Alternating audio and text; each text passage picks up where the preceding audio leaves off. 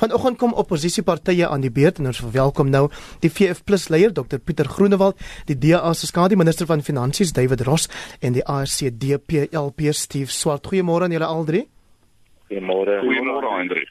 En leidend, ek gaan julle nie vra wat julle grootste of belangrikste verwagting is van die minister se toespraak nie. Ek gaan eerder sê stel jou voor, jy is die minister en dat jy vanmiddag om 2 uur daar in die nasionale vergadering hierdie toespraak moet lewer. Pieter Groenewald, dan David Ross en dan Steve Swart. Wat is die een belangrike stelling wat jy gaan maak?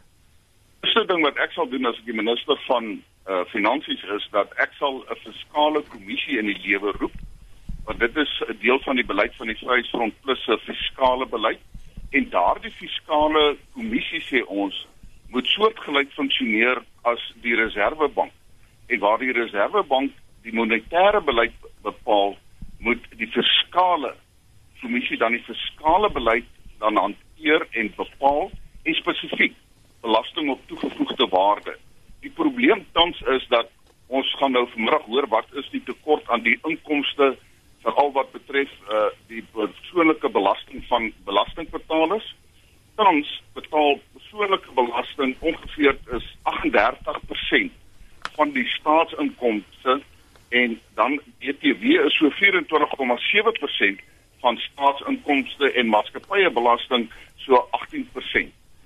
Op die oomblik as die minister meer geld wil kry, moet hy belastings verhoog en ek en jy as die belastingbetaler moet daarvoor opdom. Die Vryheidsfront plus sê ons moet daardie belastingbasis verbreek en daarom moet ons kyk na BTW om dit te verhoog. Maar die probleem is dis nie polities gewild vir die minister om dit as wil doen nie, want dan word meer mense geraak daardeur en dis hoekom ons sê daar moet 'n fiskale kommissie kom wat onafhanklik funksioneer soos die Reserwebank waar die minister dan geen invloed het nie. En dan daardie fiskale kommissie sal die BTW koers aanpas wat na gelang van hoe die ekonomie groei want dis 'n ander groot probleem. Goed, kom ons ons ekonomie groei ja. in Suid-Afrika nie en daarom kan ons nie werksgeleenthede skep nie en is daar meer mense wat werkloos is en toelaars moet kry. En natuurlik moet daar dan ook staatsbesparing op hulle bestedings plaasvind en veral sê ons dan moet staatsondernemings geprivatiseer word. Ja, Dr. Groenewald. Dit Nee, ekskuus, jammer dat ek in die rede val. Onthou, ek het nou nie die speaker se se magte daar in die parlement dat ek jou mikrofoon kan toedruk. So ek vra nou maar vir julle al drie, probeer dit asseblief kort hou want ons het nog 'n paar vrae wat ons moet hanteer. David Ross en dan Steve Swart. Baie dankie Hendrik en luisteraars. Ja, as ek die minister was, sou ek graag 'n nalatenskap wou uh verkies het uh, om na te laat in hierdie begroting wat gefokus is op fiskale dissipline en om die geloofwaardigheid te herstel van die begroting en van die finansiële bestuur in die land uh, ek sal graag 'n uh, begroting wou ter tafel hê wat die nasionale belang eerste stel en nie die president se belang eerste stel nie. 'n uh, begroting wat die prioriteite van die president verkies, is dit vir ons baie duidelik dat daar die grootste misbruik van staatsinstellings is en sou ek graag die teenoorgestelde daar wil stel. Maar ek sou ook gefokus het op die strukturele hervormings spesifiek aan te kondig wat groei promoveer besigheidsvertroue te kweek en te herstel soos in Indië deur Narendra Modi gedoen is en ek sou graag die private sektor investering wil stimuleer. Spesifiek sou ek byvoorbeeld die uh, voorgestel het dat ons die huidige mynbouhandves moet herroep en ook herroeping van die minerale en petroleum uh ontwikkelingswetgewing en ek sou klein sake gepromoveer het uh, deur voor te stel dat 200 dat dat daar sekere voordele in wat uh klein sake kan kry en dat beperkende arbeidswetgewing hier uh nagelaat word. Steve, maar ek sou gefokus op die vyf groot uitdagings ek het dit net vinnig noem. Allee, ek sou laag groei, laag groei ja. wou uh, uh aanspreek. Ek sou die fiskale agteruitgang wou stop en ek sal die kwesbare finansiële instellings vertroue wou herstel veral in terme van die reservebank, die openbare uh uh investeringseenheid en ook die nasionale tesourie. En dan sou ons natuurlik staatsbeheer instellings van bestuur wil aanspreek. Steve Swart. Ja, en dankie en, en môre aan jou luisteraars. Van my kant af gaan dit baie kortliks. Ons het niks minder as 'n baie meer robuuste en ongewilde bestedingsstrategie. Ek sou bly by die fiskale konsolidasie pad in die mediumtermyn begroting om investeerders en die kredietgraderingsagentskappe tevrede te stel daar moet 'n markverwante strategie wees om ek ekonomiese groei te stimuleer en dan om werkskepping te skep. Ek sou vandag kan kies. Gaan ek soos die gabe die vraag wat voor hom stel is, hy moet sy land eers stel voor staatskaping. Hy kan nie die president se posisie voorstel. Hy moet sy land eers stel en bly by 'n fiskale konsolidasiepad om besteding te vermy en soos uh, meneer Groenwald ook gesê het, moontlik BTW op te sit sodat ons boeke kan balanseer. Pieter Groenewald, as jy BTW verhoog, dan sal jy noodwendig ook die armer mense daarmee straf, as ek die woord mag gebruik? Nee, jy straf hulle nie. As jy BTW verhoog, dan is daar meer bydraes en op die einde van die dag as jy meer bydraes het uh, tot die geld van die staatskas, dan jy eintlik op die einde van die dag meer geld wat jy amper beter maatskaplike behoeftiges uh, van dienste kan voorsien. Uh, ons moet ook onthou, dit is hoekom ons jy sê dat daar so 'n onafhanklike fiskale kommissie moet wees, want so 'n kommissie dan sal dan bepaal dat die verhoging van die BTW van afhang van byvoorbeeld of die staat 'n kleiner staatsdiens het. Uit 'n lomp staatsdiens op hierdie oomblik geweldige uitgawes, daarom moet dit verklein. Ons het byvoorbeeld in ons voorstelle ook dat die ministeries moet verminder. Uh, jy kan ongeveer 18 ministeries hê. As jy daardie maatreëls skep deur die staat, maar dan moet 'n politieke wil wees van die regering van die dag om dit te kan doen, dan kan jy BTW verhoog wat nie die armes gaan straf nie. Inteendeel op die einde van die dag gaan jy beter of meer inkomste hê om beter dienste juis aan die behoeftiges te kan voorsien. David dit is onbillik om die ja, uh, ek uh, baie van 'n klein groepie mense net te gebruik om te betaal want dit kan eenvoudig nie regverdig wees dat die uh, persoonlike belasting die individu moet meer opdok. David Roos, ons het gisteroggend SMS'e gekry van kan, van ons luister. Ekskuus tog, kan ek net Hendrik vanaand net op die BTW uh, kwessie reageer? Ek is is heeltemal daarteen dat die BTW in terme van die koers verhoog word. Ek dink dit kan die armes baie nadelig tref en ek dink die groot uitdaging in hierdie begroting is om die 9.8 miljoen werklose uh, mense die situasie vir hulle makliker te maak en ek dink die minister moet daarop konsentreer. Ek sal beslis daarteen wees om die koers te verhoog. Ek dink dit sal 'n ingrypende uh, ingryping hê op die armstes en en swak betaalde uh, inwoners van die land. Ek sal veel eerder kyk na die verbreding van die basis van BTW Goed. waar as mens byvoorbeeld 'n petrol die nulkoers uh, sekere items wat op 'n nulkoers stand is, uh, wegdoen meer byvoorbeeld petrol kan dit 18 miljard in die staatskas inbring en ek dink dit is 'n baie meer praktiese voorstel wat nie die armes in die land sal nadelig raak nie. Goed. Uh, en dan kan u my vraag vra. Dankie. Uh, ek gaan net gou eers vir Steve Swarte geleentheid gee om op die BTW kwessie te reageer. Dan moet ons gaan vir nuus hooftrekke, maar ek vra vir al drie van julle om net aan te bly asseblief. Steve Swart, BTW of nie? Vir my 'n billike posisie is om te kyk na BTW op brandstof wat tydelik op 'n nulkoers is, asook van die ander aspekte waar daar 'n nulkoers is.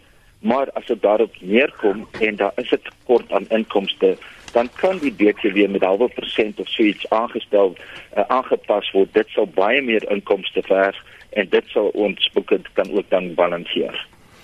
Nou ons gaan net na die 37 hooftrekke met julle verder praat hieroor of dit lyk my my redakteur sê ons kan eintlik maar nog vir 'n minuut of wat voortgaan. Kom ek vra dan weer uh, Pieter Groenewald so daar's die een groot ek weet nie of die Afrikaans reg is as mense sê olifant in die kamer nie en dit is die kernkrag transaksie wat natuurlik amper soos 'n atoombom hier bo die minister hang.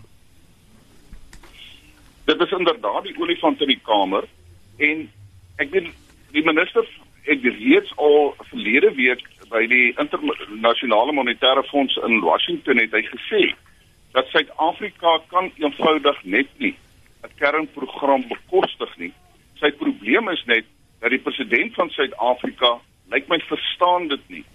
En dit is die vraag wat vanmiddag ook beantwoord gaan word is die minister van finansies Igaba wel 'n goeie minister van finansies en het hy bietjie murg in sy pype soos hulle sal sê om te kan sê dat hy gaan nie noodwendig na die pype van die president dans nie Ons kan dit eenvoudig nie bekostig nie. En as jy dit nie kan bekostig nie, kan jy nie voortgaan om te sê dat ons moet dan maar op 'n ander manier dan geld gaan kry om die kernprogram te finansier nie.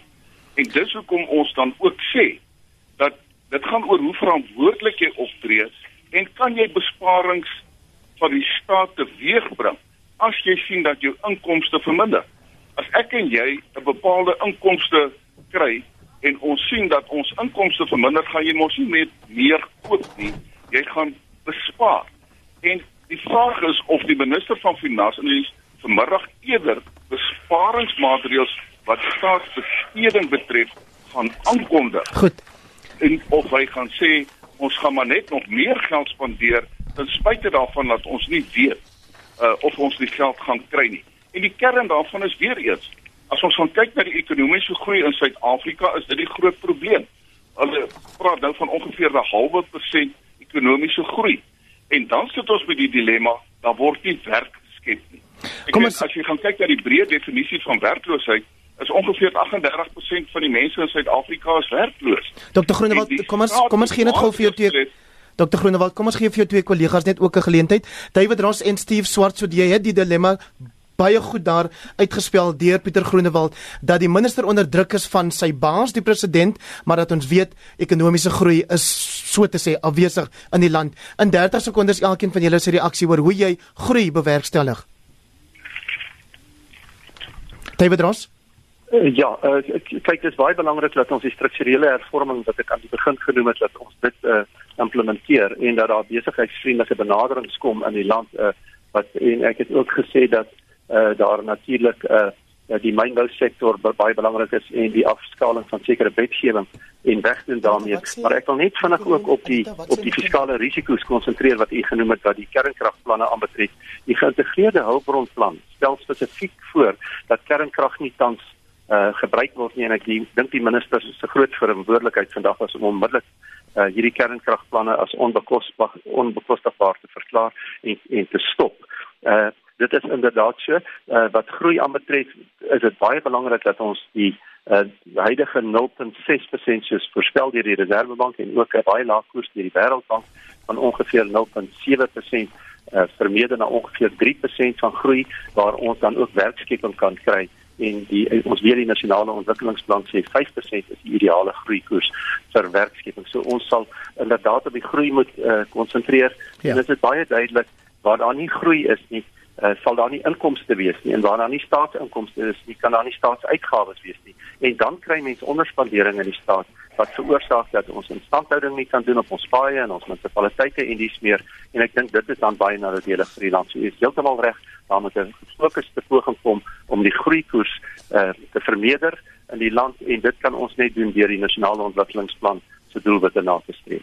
Steve Swart baie mense sê die nasionale ontwikkelingsplan se doelwit van 'n 5% groei is 'n pypdroom en intussen sê die staatsamptenare hulle soek 'n verhoging van tussen 10 en 12% en dit is een van die groot bekommernisse by ekonome. Nee, die staatsloonverhoging is onbekostigbaar en ek het destyds gesê dat daai is 'n pypdroom van 5%. Ongelukkig trek ons nou hier by 'n halwe persent, so dit is uh, jy weet ons moet baie meer doen om besigheidsvertroue te skep. Daar moet baie meer investering in infrastruktuur wees en ons moet ophou om geld te verkwis en te vermors met wydverspreide korrupsie en wanbesteding en staatskap en jy weet ons is betrokke daar by die Eskom ondersoek. Dit is ongelooflik die miljarde rande wat verkwis word. Dit moet aangespreek word. Ons moet staatskap en dringend aanspreek en uit die weg ruim sodat ons kan kom by daai 5% groeikoers wat ons dan baie meer inkomste kan verg en dat ons dan ons boeke kan balanseer. Ons gaan vir elkeen 10 sekondes gee om 'n finale opmerking te maak. 10 10 sekondes asseblief. Pieter Groenewald dan David Ross en dan laastens Steve Swart. Die Vryheidsfront Plus sê jy gaan ekonomiese groei kry as jy weer die vrye markbeginsels behoorlik toepas in Suid-Afrika, staatsinstellings privatiseer sodat 'n winsbedryf kan word, dan sal meer werkgeleenthede geskep word, meer belasting sal betaal word en sal die staat meer geld hê om dienste te kan lewer. Baie dankie David Ross. Ek dink die doelgerigte aksie wat die minister moet neem om ekonomiese agteruitgang te staai moet vandag op die tafel geplaas word. Dit is die mediumtermyn begrotingsraamwerk wat eintlik aanduidend is hoe dit geïmplementeer sal word in die hoofbegroting en dit is baie belangrik dat ons die langtermyn risiko's ongedaan maak, die kernkrag situasie, maar en dat ons die die die swaar kry van werkloosheid mense in die land ongeveer 9.3 miljoen se behoeftes aanspreek in in hierdie begroting deur middel van ordelike planne om ekonomiese groei te promoveer en ook om die vermorsing in die staat te staak. Goed. Die vermorsing in die staat is onge, uh, is ongelukkig omtrent 25 miljard rand uh, per jaar en ek is van mening dat dit sal toeneem aangesien die ouditeur-generaal se verslag toon dat 67% van die instellings is tans maar geaudit en dit toon al klaar dat die onreëlmatige uitgawes op hierdie stadium in die land 45.6 miljard of miljard is. Goed, Steve Swart, 10 sekondes. Hy moet bly by Gordon se fiskale konsolidasie pad om investeerders en graderend agentskappe tevrede te stel. Hy moet hoop vir die nasie bring vandag en hy moet wegbly van president Zuma se staatskaping. Ons paneel vir hierdie voorafbespreking oor die minister van Finansies se mediumtermyn begrotingsoorsig vanmiddag was die VF+ leier Dr Pieter Groenewald, die DA se skadu minister van Finansies David Ross en die ACD PLP Steve Swart. Dit bring ons by byna 7:38.